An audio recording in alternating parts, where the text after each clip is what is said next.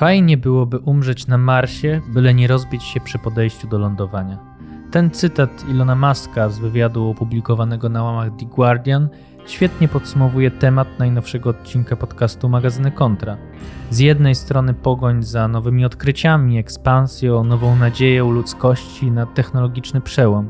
Z drugiej coraz mocniejsze przekazywanie władzy w ręce potentatów technologicznych i coraz dziwniejsze idee ich właścicieli. Jak powinniśmy patrzeć na współczesnych mesjaszy z Doliny Krzemowej? O tym wszystkim opowie mój dzisiejszy gość, Bartosz Paszcza.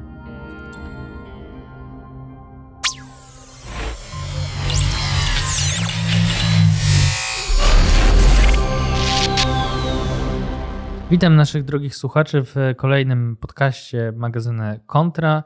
Dzisiaj gościmy e, analityka danych, e, autora podcastu Steptek, e, eksperta Bartosza Paszcze. Dzień dobry, Bartku. Dzień dobry, dobry wieczór. Wydaje mi się, że kiedy już tak sobie poruszamy w kolejnych odcinkach ważne tematy, była ostatnio demografia, rozmawialiśmy o polityce rozwoju kraju zrównoważonej. No to jeden z takich tematów, które też rozgrzewają chyba debatę publiczną, ale może też bardziej taką też internetową, moglibyśmy powiedzieć, jest e, temat e, potentatów technologicznych. Mowa przede wszystkim tutaj o takich bardziej potentatach też z no, jednocześnie będących e, osobowościami. Tak? Wcześniej to był Bill Gates czy Steve Jobs. Steve Jobs, Jeff Bezos. No a dzisiaj jest to Elon Musk, który kupił Twittera co niektórzy już nie wierzyli. Ostatnio widziałem, że postawili mu pomnik fani w Teksasie chyba za 600 tysięcy dolarów. E, generalnie jest to po prostu w tej chwili już e, postać.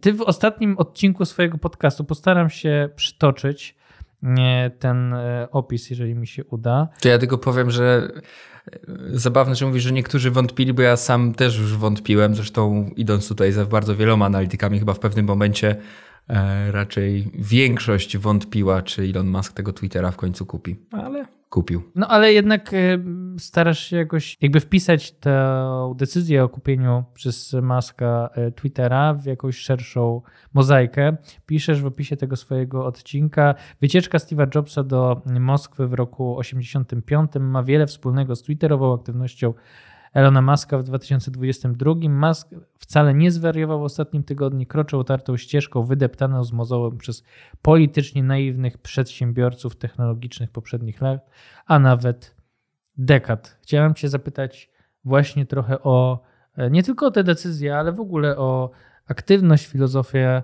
e, tego chyba najbardziej dzisiaj kontrowersyjnego przedsiębiorcy świata.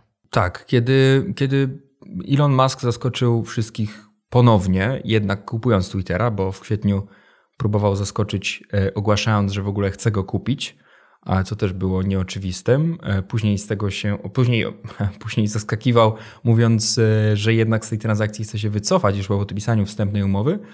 A finalnie zaskoczył po paru miesiącach wszystkich, jednak wykładając pieniądze na stół i nabywając firmę to przypomniała mi się właśnie historia e, Steve'a Jobsa, który w roku 85 jako, no, chyba zdaje się mniej więcej 30-latek, udał się do Moskwy e, z takim bardzo ciekawym projektem. On wtedy był świeżo po ogłoszeniu swojego nowego komputera, Macintosha i zabrał ten komputer sobą do Moskwy i stwierdził, że ten komputer daje takie niesamowite możliwości tworzenia, no, składania własnych gazet, druku ich, y, no wiadomo, jakieś tam przetwarzania informacji, tworzenia grafiki i tak dalej, i tak dalej, że jeśli go zawiezie do ZSRR, on w ogóle chciał go w ZSRR produkować i tam oczywiście sprzedawać, e, no to jeśli tylko to zrobi, jeśli tylko ten rynek opanuje, no to oczywiście e, naród Rosy, radziecki wtedy jeszcze powstanie i zrzuci jarzmo dyktatorstwa, zmieni swój ustrój.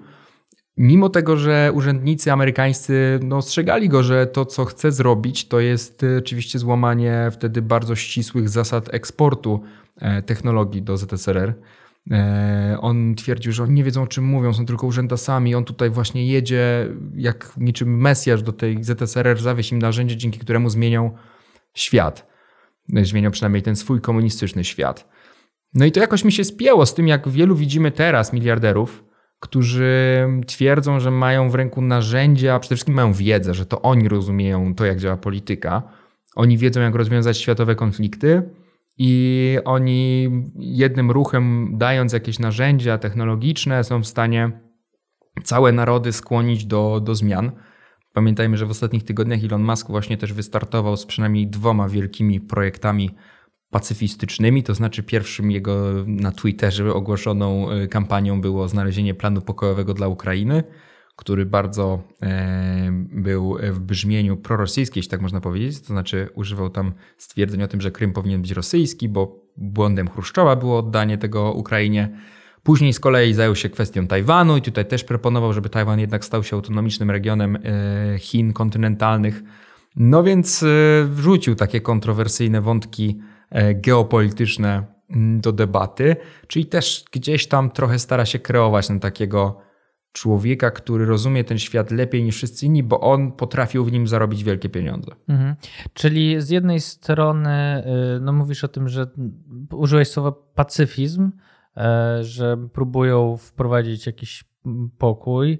Z drugiej strony jednak y, Musk jest postrzegany jako taki E, bogaty prawicowy rebeliant, trochę jak e, Donald Trump chyba.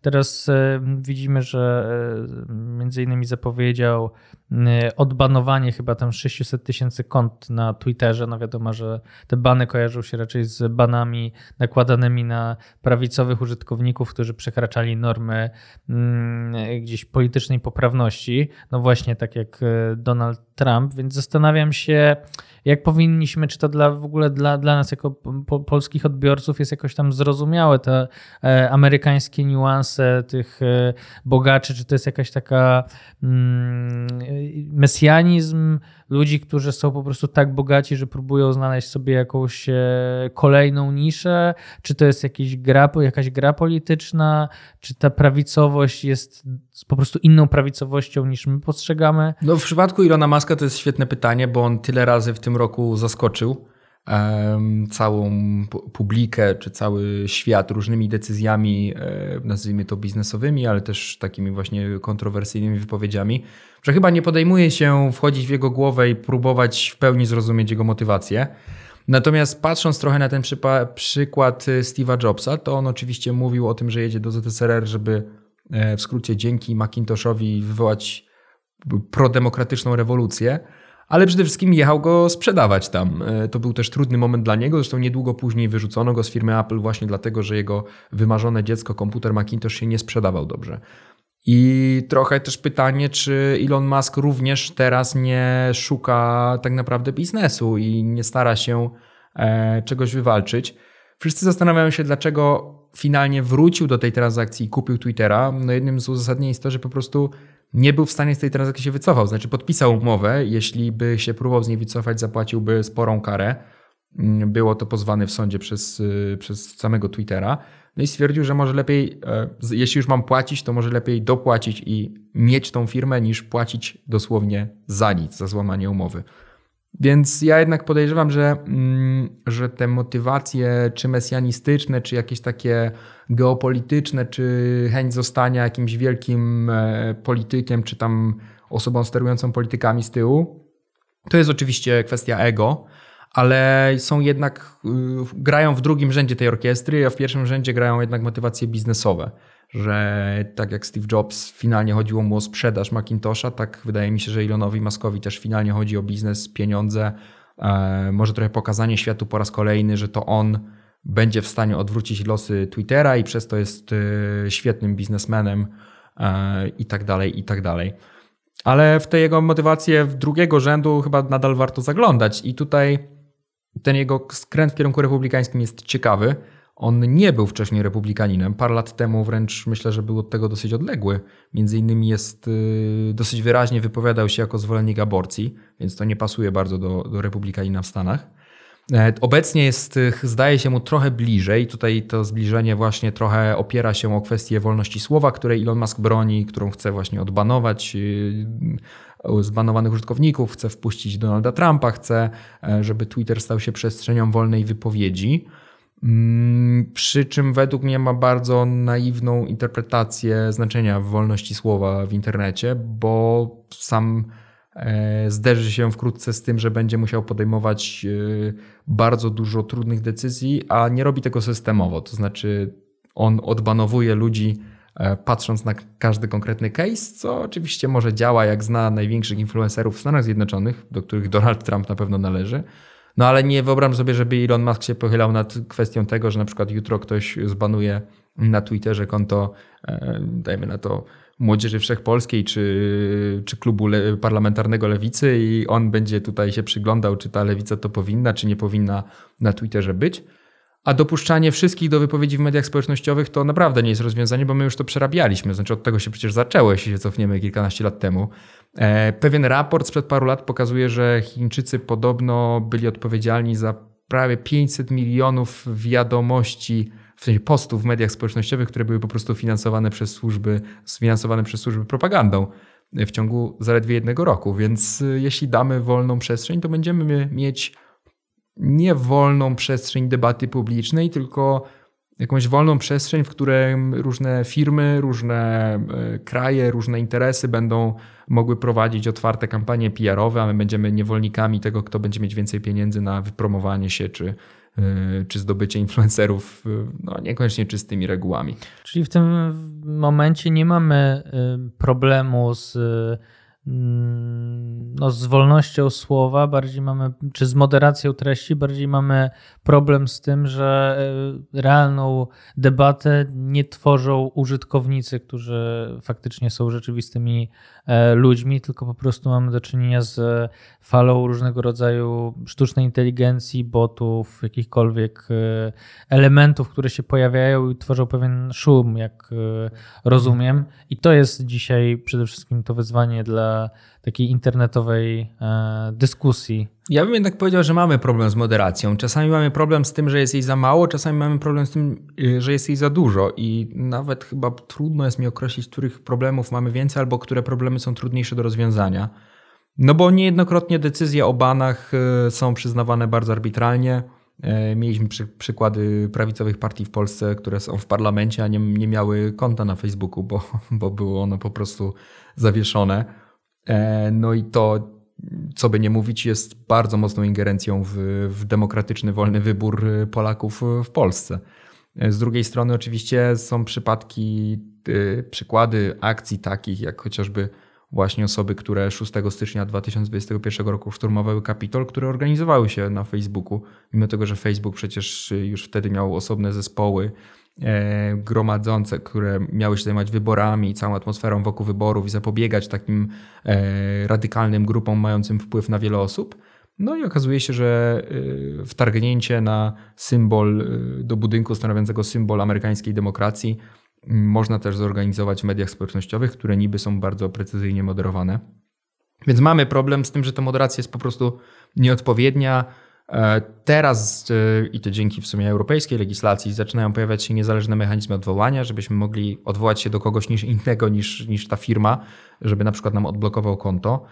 E, no ale z drugiej strony będziemy mieć, wydaje mi się w przypadku Twittera trochę tą sytuację, mm, że takiego uchylania naprzemiennego drzwi i ich domykania, bo z drugiej strony Elon Musk też bardzo wyraźnie mówi o tym, że on nie chce stracić zaufania reklamodawców no a reklamodawcy bardzo nie lubią, jak e, na e, koło ich profilu pojawiają się jakieś e, radykalne posty. Nie lubią być z tym kojarzeni. Dokładnie, nie lubią być z tym kojarzeni. No i przecież ten przykład sprzed zaledwie paru dni, którym ktoś podszywając się pod konto pewnej firmy produkującej insulinę w Stanach Zjednoczonych powiedział obniżamy cenę insuliny do tam 20 dolarów, czy tam nawet rozdajemy ją za darmo. Nie pamiętam teraz dokładnie. No i to spowodowało spadek akcji firmy, prawda momentalny, tam później ten kurs odrobił straty, ale, ale parę procent akcji firmy liczone straty w milionach, jeśli chodzi o kurs akcji w ciągu paru sekund. No i później Elon Musk przecież powiedział, u teraz już nie będzie można się podszywać pod konta, trzeba będzie wyraźnie zaznaczyć, że to konto jest parodią. No więc sam mhm. się zderzył trochę z tą swoją polityką. Zastanawiam się też, bo zacząłem w sumie naszą rozmowę od tego, to znaczy od kibicowania y, magnatom technologicznym, czy właściwie postaciom, hmm. które za, tym, za tymi firmami e, stoją. Chyba wcześniej nie było czegoś takiego. W sumie Elon Musk się rozpoczął jako ten, który miał tak. E, ostatnio nawet widziałem, że 10 lat temu zapowiedział, że wyląduje na Marsa za 10 lat, no i jest 10 lat później i e, kupił Twittera, a nie ląduje na Marsie. No niemniej jednak zaczął od tego, że faktycznie miał sukcesy, czy to w Tesla, Czy SpaceX mm, i e, no, wyrobił sobie pewnego markę, pewnego wizjonera. Teraz wchodzi na tą niwę polityczną. No wydaje się, że mm, być może trochę właśnie mm, krok za Donaldem Trumpem, który, który zdobył prezydenturę, a był takim magnetem, tylko że na rynku nieruchomości przede wszystkim, no że to jest pewne chyba nowe e, zjawisko, że już nie mamy nazwy firmy, tylko mamy postać, tak? Kibicujemy tej postaci, jakoś um, inwestujemy w nie swoje emocje. No a ta postać, w zależności od, no dzisiaj możemy kibicować, że na przykład Musk jest e, bardziej, no, romansuje z republikanami, no ale właściwie jest to jakiś niebezpieczny ten mariaż, że tak duże medium, jakim jest Twitter, jedno z najważniejszych, jeśli chodzi o wymianę mm, bieżącą, informacji przede wszystkim takich e, politycznych, Mm, no, że to jak funkcjonuje zależy od, e, widzi mi się, no właściwie nie jakichś interesów firmowych, tylko właściwie wizji jednego człowieka. No, co więcej, część tego finansowania i tego też na to zwraca, zwraca uwagę między innymi zdaje się Biden otwarcie, że część finansowania tej transakcji wykupu Twittera pochodzi z funduszy państwowych, e, tych zbudowanych na ropie funduszy inwestycyjnych e, pewnych krajów Zatoki Perskiej, które z wolnością słowa zbyt wiele do, do czynienia nie mają, mówmy się. Też jest ciekawy gdzieś tam e, wpływ w tle. Tak, to jest. Spersonifikowaliśmy sobie całe gałęzie gospodarki, tak jak polityka się spersonifikowała w ostatnich latach. Możemy też w Polsce często narzekać na to, że mamy E, że, że nie ma partii politycznych, są i liderzy, tak? I polityka jest, jest walką jakiejś tak, bardzo... Że nie wiemy właściwie, kto siedzi w parlamencie, to jest garstka, tak. wydaje nam się, że, e, że to jest garstka osób. Tak, to jest 150 rąk Jarosława Kaczyńskiego albo Donalda Tuska, tak? Które po prostu wykonują to, co, to, co oni e, uznają za słuszne. No oczywiście taki sam trend jest też w Stanach Zjednoczonych. Donald Trump jest tutaj świetnym przykładem, ale nie wydaje mi się, że w jego ślady idzie Elon Musk, bo wydaje mi się, że jeśli już do, do jakiejś epoki go porównywać, to to, co się obecnie dzieje, to, że mamy tutaj Ilona Maska, e, tutaj Jeffa Bezosa, który przecież też ma swój program kosmiczny i też ma dziennik Washington Post, o czym, e, o czym e, nie, warto nie zapominać. Był pierwszym magnatem nowotechnologicznym, który na taką skalę wszedł w rynek mediów. Mm, no to warto ich porównać do tych, y, do tych, y, do tych baronów pozłacanej epoki w Stanach Zjednoczonych, czyli początku XX wieku, czyli tych wszystkich Rockefellerów i tak dalej. No, zostało po nich trochę sal teatralnych, najsłynniejszych na świecie, trochę muzeów, e, też włożone pieniądze w uniwersytety. No ale to też były osoby, które często poprzez monopole albo oligopole e, opanowały pewne rosnące działki gospodarki, szczególnie na przykład budowę, e, budowę sieci kolejowej, która wtedy w Stanach e, była jedną z żył złota. No i dzięki temu stały się takimi wielkimi graczami z tyłu politycznej machiny, to znaczy mieli tak ogromny wpływ dzięki swoim finansom, dzięki swoim wpływom, dzięki temu, że byli najważniejszymi obywatelami swoich miast, no bo tutaj finansowali jedną ręką działalność dobroczynną, tutaj e, muzea, a tutaj oczywiście e, burmistrz jak coś potrzebował, to do nich dzwonił. No, że gdzieś z tylnego szeregu e, trzymali łapę na, na wielu oczywiście też finalnie procesach legislacyjnych i też na tym, co mogło w nich uderzyć. I ta epoka zmieniła się no, na skutek takiej mocnej, też częściowo chrześcijańsko inspirowanej e, społecznej rewolucji, dba, dbania o warunki pracy, no też orientowania się, że to jednak polityka tutaj pełni funkcję no, wręcz służalczą wobec tych e, wielkich oligarchów. I ciekaw jestem, czy nas tutaj będzie czekać coś takiego. Znaczy, po tej erze zachłyśnięcia się, my też się y, gdzieś obudzimy, patrząc trochę krytycznie na to, jak wielki wpływ mają pojedyncze osoby dzięki swoim wielkim majątkom. Gdzieś może początkiem tego jest to, że teraz Europa mm, właśnie wprowadziła nowe regulacje, które mają jakoś, e, jakoś ustanawiać podstawowe zasady moderowania treści, też właśnie ten proces odwoławczy i tak dalej, i tak dalej. No i w tym czasie wchodzi Elon Musk, który wszystkie te procesy, zdaje się, z Twittera próbuje kasować. E, I tutaj Unia Europejska też się stara przyglądać temu, e, jak Twitter działa, tak, właśnie pod tym kątem realizowania nowych dyrektyw. Zobaczymy, co z tego wyniknie, ale pewnie finalnie, co by nie mówić, to Stany Zjednoczone, w których też jest wrzenie polityczne, jeśli chodzi o działalność mediów społecznościowych, no to finalnie to tam e, ewentualne zmiany będą rzutować najmocniej na, na tą rolę tych wielkich technologicznych baronów. Hmm. Chciałem jeszcze, oczywiście jest tak, że mm, Elon Musk jest tym, mówiłeś o tym pacyfizmie i o, tym, o tej roli polityki, czy wy polityce magnatów. Z jednej strony o, o Krymie, z drugiej strony e, przecież Ukraińcy korzystają ze Starlinków e, Ilona Maska, więc jest to na pewno kwestia nie e, jednoznaczna. No ale chciałem Cię zapytać o takie hasło w kontekście tej Mm, mesjańskiej roli mm. tych magnatów, to znaczy hasło, które się nazywa long-termizm. To jest coś bardzo świeżego, co pojawiło się, przyszło do nas ze Stanów jako, jako hasło, które właściwie nie zostało jeszcze jakoś specjalnie chyba dobrze wytłumaczone czy opisane w Polsce. No a jeśli się nie mylę, mocno wiąże się między innymi z takim dość popularnym już nazwiskiem, które się nazywa Mm, postaci, która się nazywa Harari. E, czy, e, czy możesz nam przybliżyć właściwie to zjawisko i czy jest ono tak duże, jak się zwykło ostatnio mówić, czy jest przeszacowane? Tak, to jest dosyć świeży filozoficzny trend, który z tego co wiem jest powiązany najbliżej z czymś, co pojawiło się również niedawno i nazywa się efektywnym altruizmem. I efektywny altruizm wymyślony przez y, takiego naukowca na Oksfordzie, który się bardzo szybko rozpowszechnił, szczególnie właśnie wśród absolwentów tych największych, najlepszych światowych uczelni.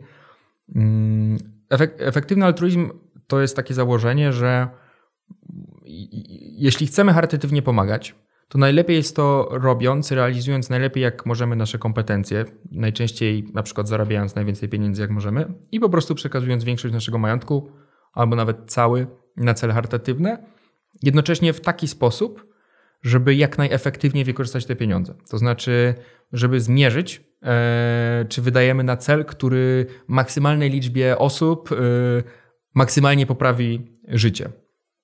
No i właściwie patrząc na to, to no nie wydaje się groźne, prawda? Znaczy, wręcz wydaje mi się, że dla wielu osób, które na przykład E, pracują w, w jakiejś korporacji, czują się jakimś trybikiem w maszynie i no, praca nie jest ich największą w życiu satysfakcją, dołączenie do takiego ruchu jest w ogóle ciekawym wyjściem, bo możesz sobie ustalić, ok, może nie robię, nie zbawiam świat pracując 8 godzin dziennie, ale to, co zarobię w ten sposób, mogę wykorzystać w jakiś efektywny sposób na pomoc komuś e, wybranemu, czy, czy jakiejś kategorii ludzi e, wybranej. I w dodatku, rozmawiając z innymi ludźmi, jestem w stanie się dowiedzieć, że to będzie faktycznie korzystna pomoc, a nie udawana. I w tych założeniach ten ruch jest no, właściwie sensowny i też dlatego chyba dosyć szybko się rozpowszechnił. Oczywiście wśród absolwentów największych uczelni też dlatego, że wielu z nich potem idzie na przykład w branżę finansową.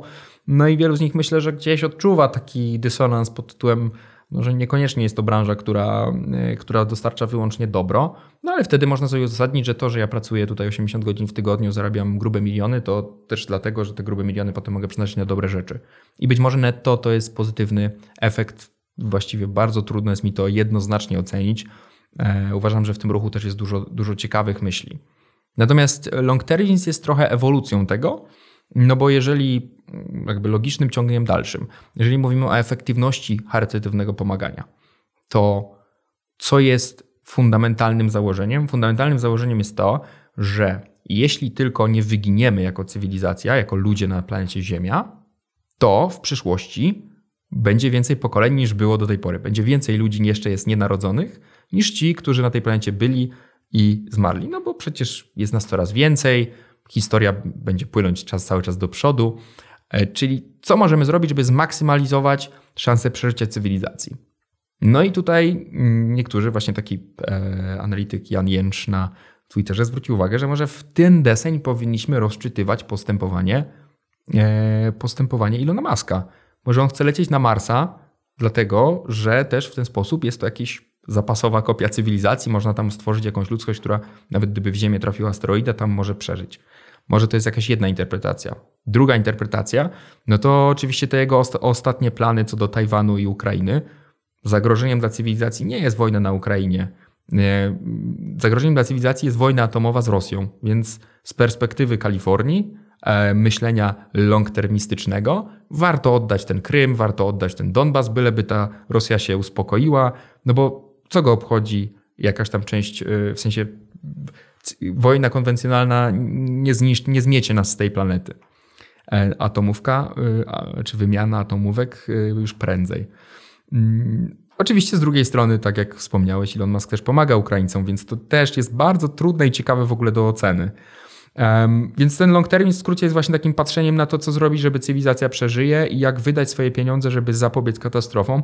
No i on jest trochę niebezpieczny już jako ideologia, no bo możemy sobie teraz powiedzieć, że jeśli mamy e, niwelować ryzyko zagłady cywilizacji, to jak, jakbym był miliarderem, to nie warto wydawać na pomoc charytatywną osobom, które nie mają na jedzenie, czy nie warto wydawać na e, podatki, żeby finansować z tego y, ochronę zdrowia i socjal, bo trzeba się skupić na tym, jak dolecieć na Marsa, prawda? w tym sensie to też jest w interesie biznesowym Ilona Maska, ten long-termizm, bo on tak interpretowany tak naprawdę oznacza to, że my pieniądze publiczne i prywatne powinniśmy wydawać na Tesla, na, bo przecież walczymy z klimatem wtedy, z, ze zmianami klimatycznymi, powinniśmy wydawać na e, SpaceX, bo może dolecimy na tego Marsa, ale już nie musimy się przejmować tym, żeby płacić uczciwie podatki, żeby pomagać osobom, którym los e, sprawia, e, sprawił więcej kłopotów niż nam na przykład.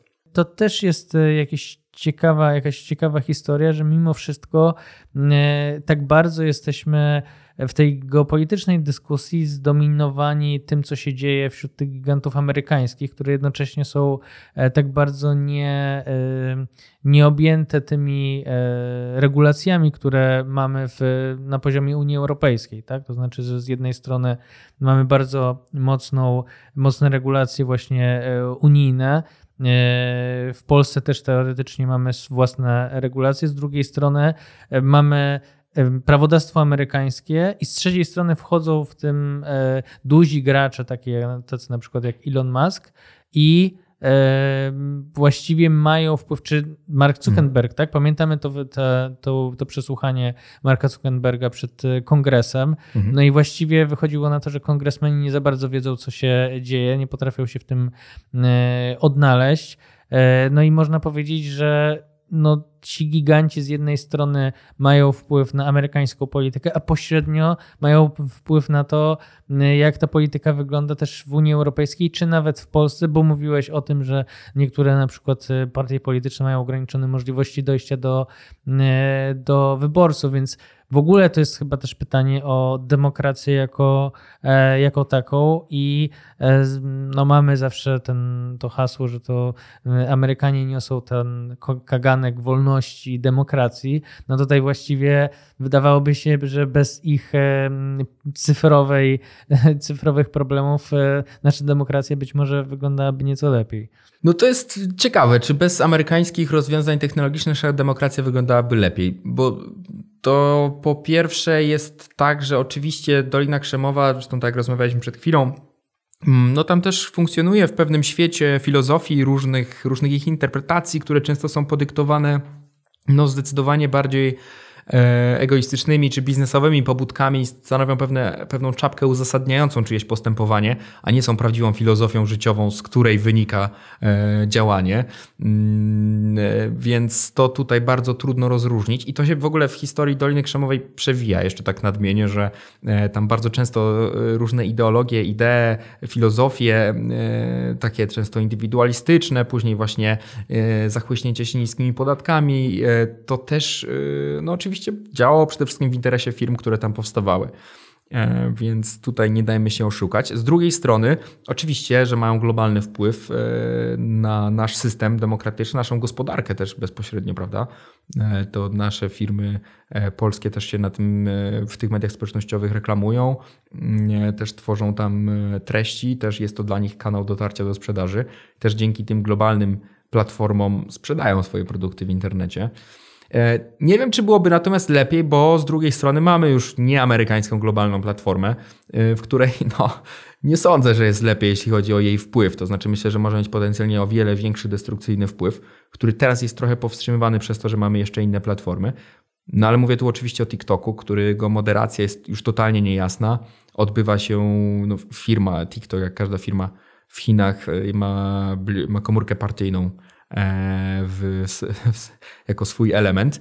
Więc e, no, tam kontrola jest dużo, bardziej, dużo mniej przejrzysta. E, trudno sobie wyobrazić, żebyśmy kiedykolwiek oglądali e, publiczne przesłuchanie mm, jakiegoś szefa chińskiej firmy.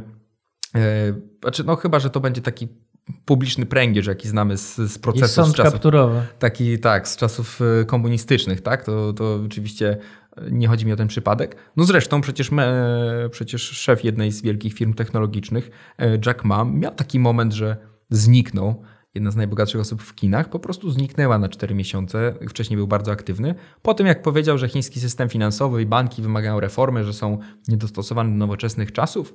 E, no i od tego czasu on się uczy kaligrafii, żeby była jasność, e, raczej domyśla się świat, że stracił kontrolę nad swoją firmą, że partia jednak powiedziała, że powiedział parę słów za dużo i po prostu musiał się przez chwilę przestać pojawiać. No i to jest jednak coś innego niż zaproszenie, czy we, przepraszam, wezwanie e, Marka Zuckerberga do kongresu. I to chyba dobrze pokazuje tą różnicę.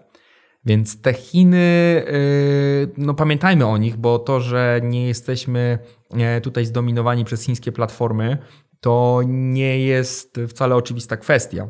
Myślę, że, że na przykład Afryka, czy w ogóle kraje południa, tam ta sytuacja jest dużo bardziej, no dużo bardziej zagmatwana, chociażby dlatego, że chińskie platformy takie jak AliExpress, czyli te wszystkie e-commerce'owe są dużo bardziej obecne niż, niż Amazon, tak? którym też możemy e, tutaj powiedzieć, że jest globalnym, no nie monopolistą, ale bardzo dominującym graczem. No ale nie w takich regionach, które pewnie nie przynoszą tyle zysku w pieniądzach, natomiast geopolitycznie mogą mieć ogromne znaczenie od tego, kto tam, te, kto tam e, trzyma łapę na moderacji po prostu. No mam nadzieję, że kiedyś zobaczymy w Kenii paczkomat zamiast I, Amazona. Albo, albo, tego e, też życzę. E, natomiast e, tak, teza trochę, która wybija z tego, co powiedziałeś, brzmi, że gdyby nie amerykańska technologia, to mielibyśmy próżnię, w którą wchodzi po prostu mm, technologia chińska w tej chwili. Zamiast e, Facebooka mielibyśmy TikToka, chociaż to najmłodsze pokolenie i tak chyba najchętniej tego TikToka e, już e, wybiera. Zapytam od razu, myślisz, że w końcu Amerykanie zbanują TikToka na terenie Stanów Zjednoczonych? Bo to chyba byłby też początek pewnego końca TikToka w ogóle w świecie zachodu. Bardzo głośno się o tym mówiło parę miesięcy temu, e, o tym, że TikTok może zostać ze względów bezpieczeństwa po prostu zbanowany. Zdaje się, y, nie chcę się pomylić, ale nie wiem, czy albo przez jakiś czas, albo dalej jest zbanowany w Indiach. Y, znaczy, mhm. przynajmniej część aplikacji chińskich, tam taki ruch został wykonany. I to jest istotny rynek też dla, dla Chin. No, gigantyczny.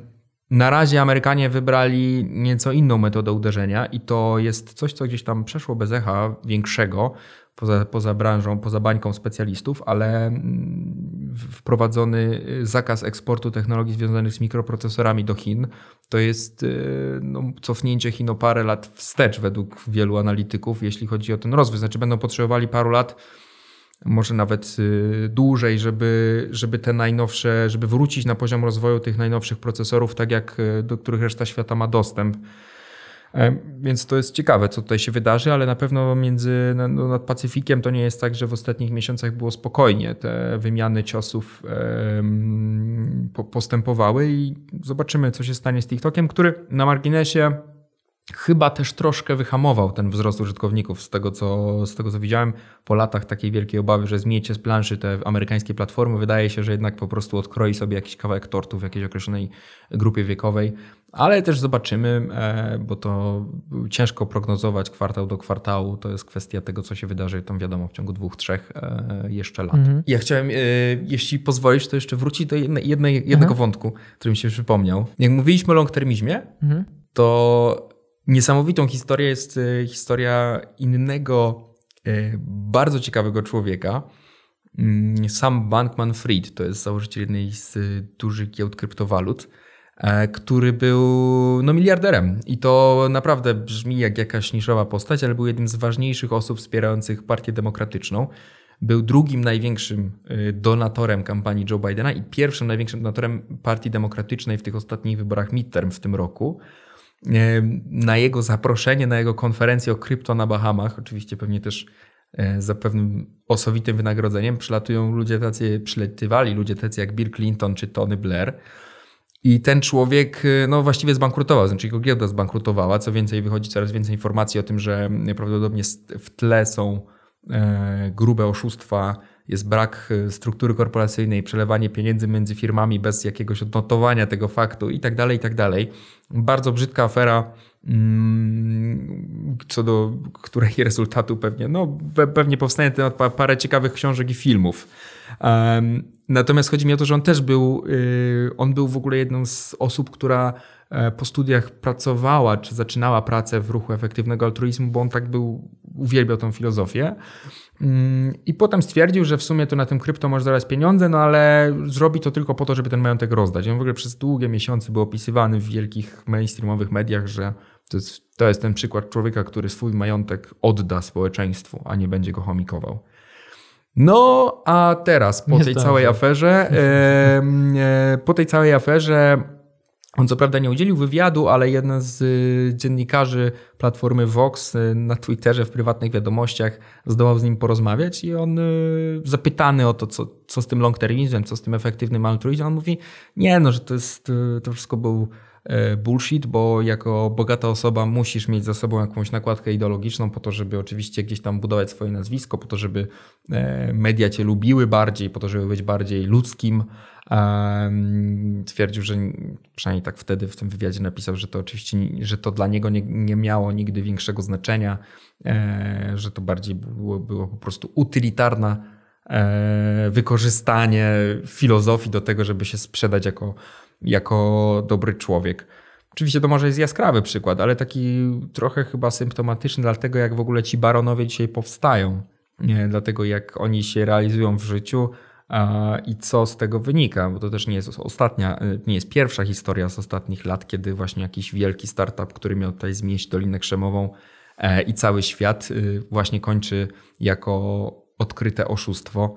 Właśnie ukazał się wyrok dla Elizabeth Holmes, która była nazywana e, Steve'em Jobsem, kobiecym Steve'em Jobsem, a okazuje się, że była oszustką i wyląduje na 11 lat w więzieniu no była dosyć e, chyba uzdolniona, jeśli chodzi o pozyskiwania e, inwestorów. E, Podobnie jak sam Bankman Fried, firma, jeden z najważniejszych na świecie funduszy inwestycyjnych inwestujących w startupy, Sequoia, chwalił się w oficjalnym profilu sama Bankmana Frieda na swojej stronie internetowej, chwaląc się w tym, że oni w niego zainwestowali, opisywał tam wprost, że ten człowiek, kiedy był na takiej zwące w czasie pandemii, kiedy chciał od nich pieniądze i to chodzi oczywiście o grube miliony dolarów, to uzyskał te miliony, bo kupił ich wielką wizją, jak to będzie platforma do wszystkiego i wszyscy, cały świat będzie tam wpłacał swoje dolary, żeby kupić banana albo kryptowaluty. Kupił ich tą wizją, dostał pieniądze i okazuje się, że w czasie całej, całej tej rozmowy grał w, zdaje się, League of Legends czy jakąś inną grę po prostu znajomymi w internecie.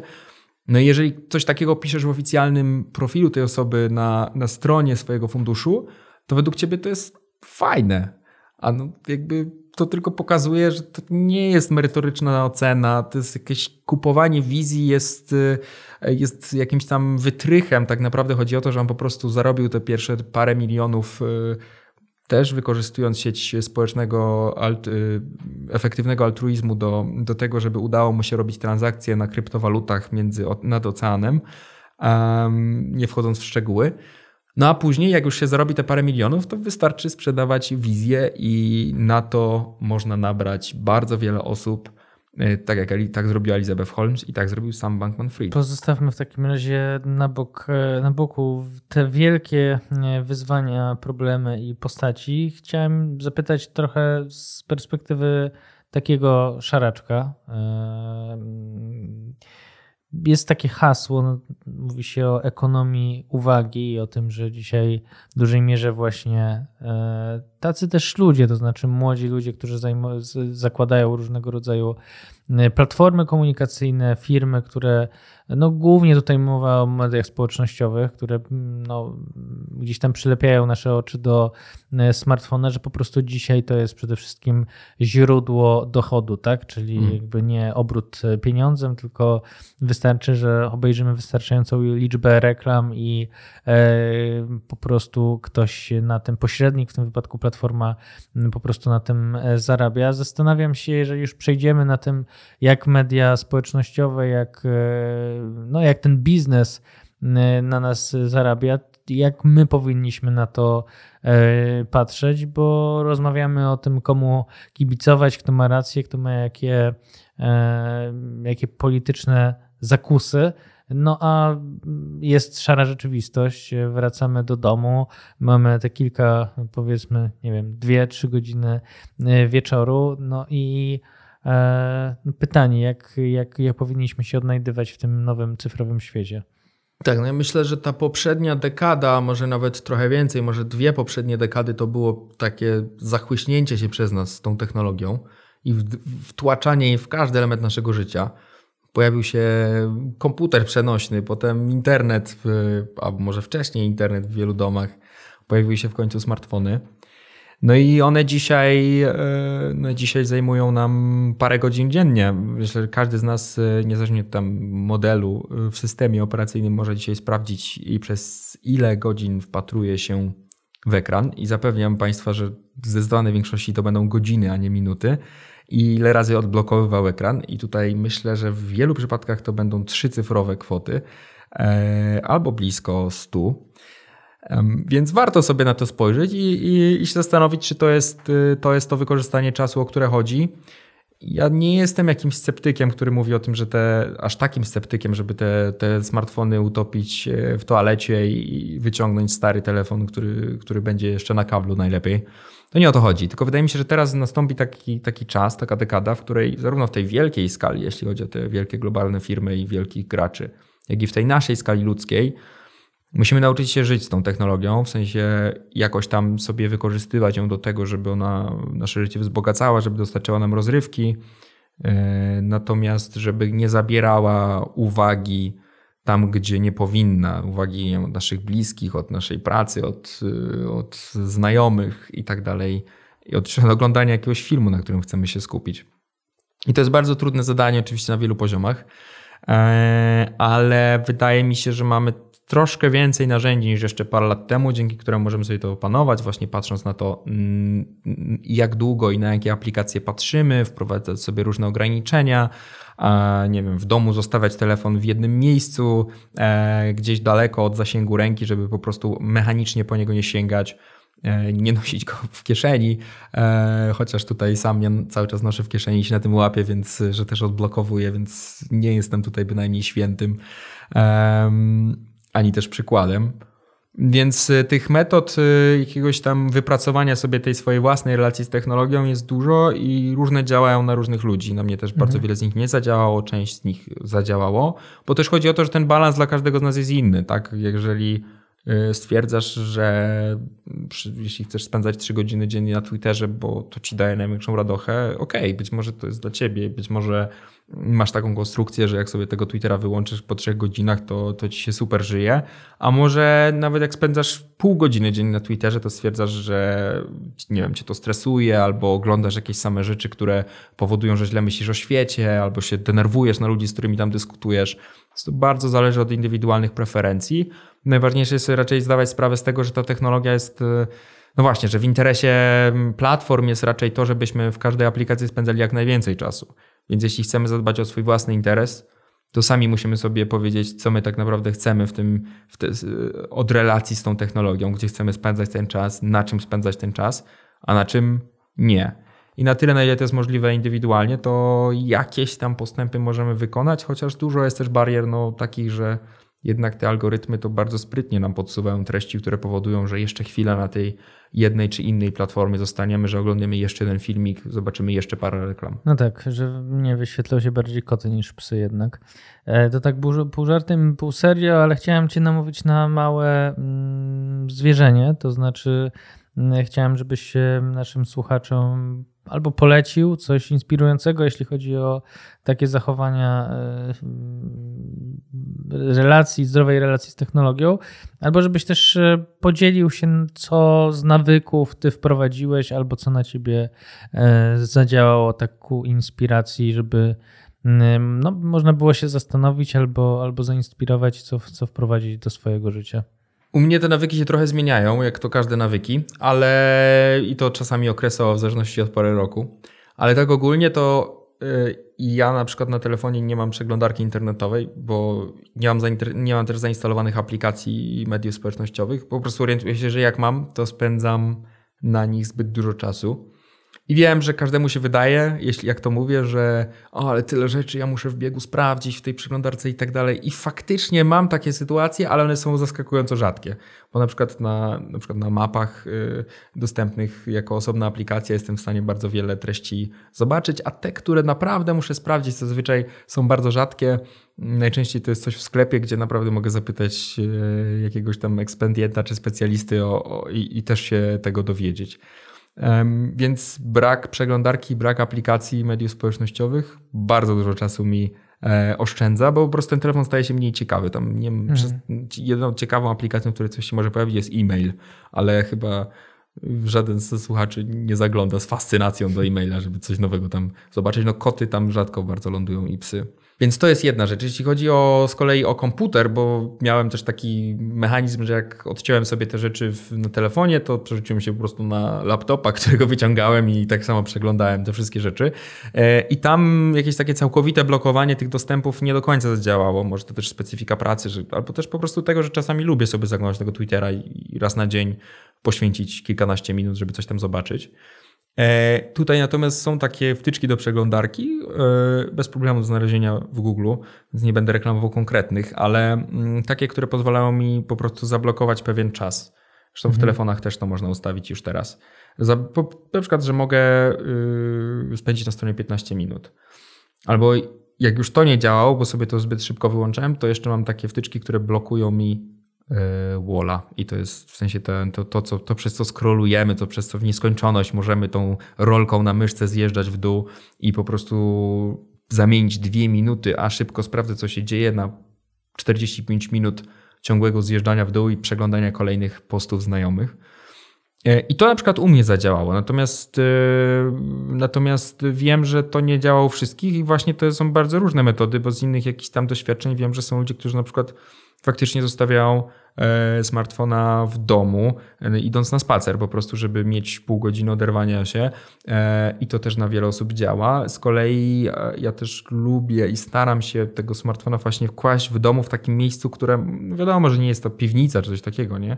Ale jest to takie miejsce, którym muszę wstać, przejść parę kroków, żeby po niego sięgnąć. I to redukuje bardzo czas spędzany, po prostu jak siedzę na kanapie i oglądam z żoną film, to go oglądamy, bo nie mogę tego wyciągnąć w połowie i zaczynać go przeglądać.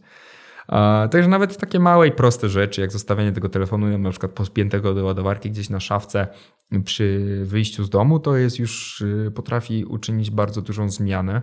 E, no i najważniejsze jest chyba właśnie rozpoczęcie od tego patrzenia, przeglądania się swoim nawykom i zobaczenia, co jest nie tak, bo jeśli wszystko jest ok i czujesz, że Twoja interakcja z tymi technologiami to jest to, o co ci chodzi, nie masz poczucia, nie wiem, zmarnowanego czasu, czy zmęczenia oczu, czy stresu, to być może jest ok.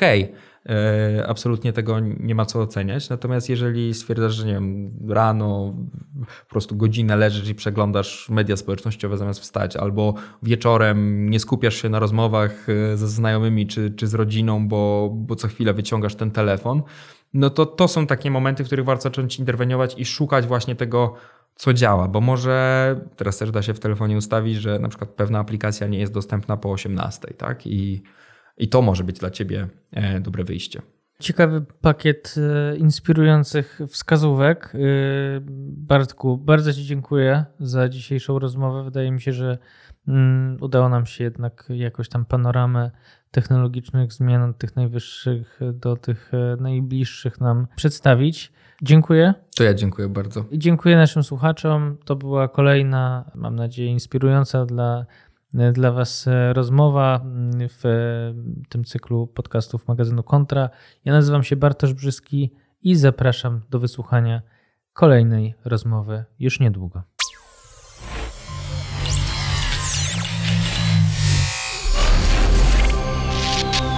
Realizacja podcastu magazynu Kontra została sfinansowana przez Narodowy Instytut Wolności Centrum Rozwoju Społeczeństwa Obywatelskiego ze środków programu Fundusz Inicjatyw Obywatelskich Nowe FIO na lata 2021-2030.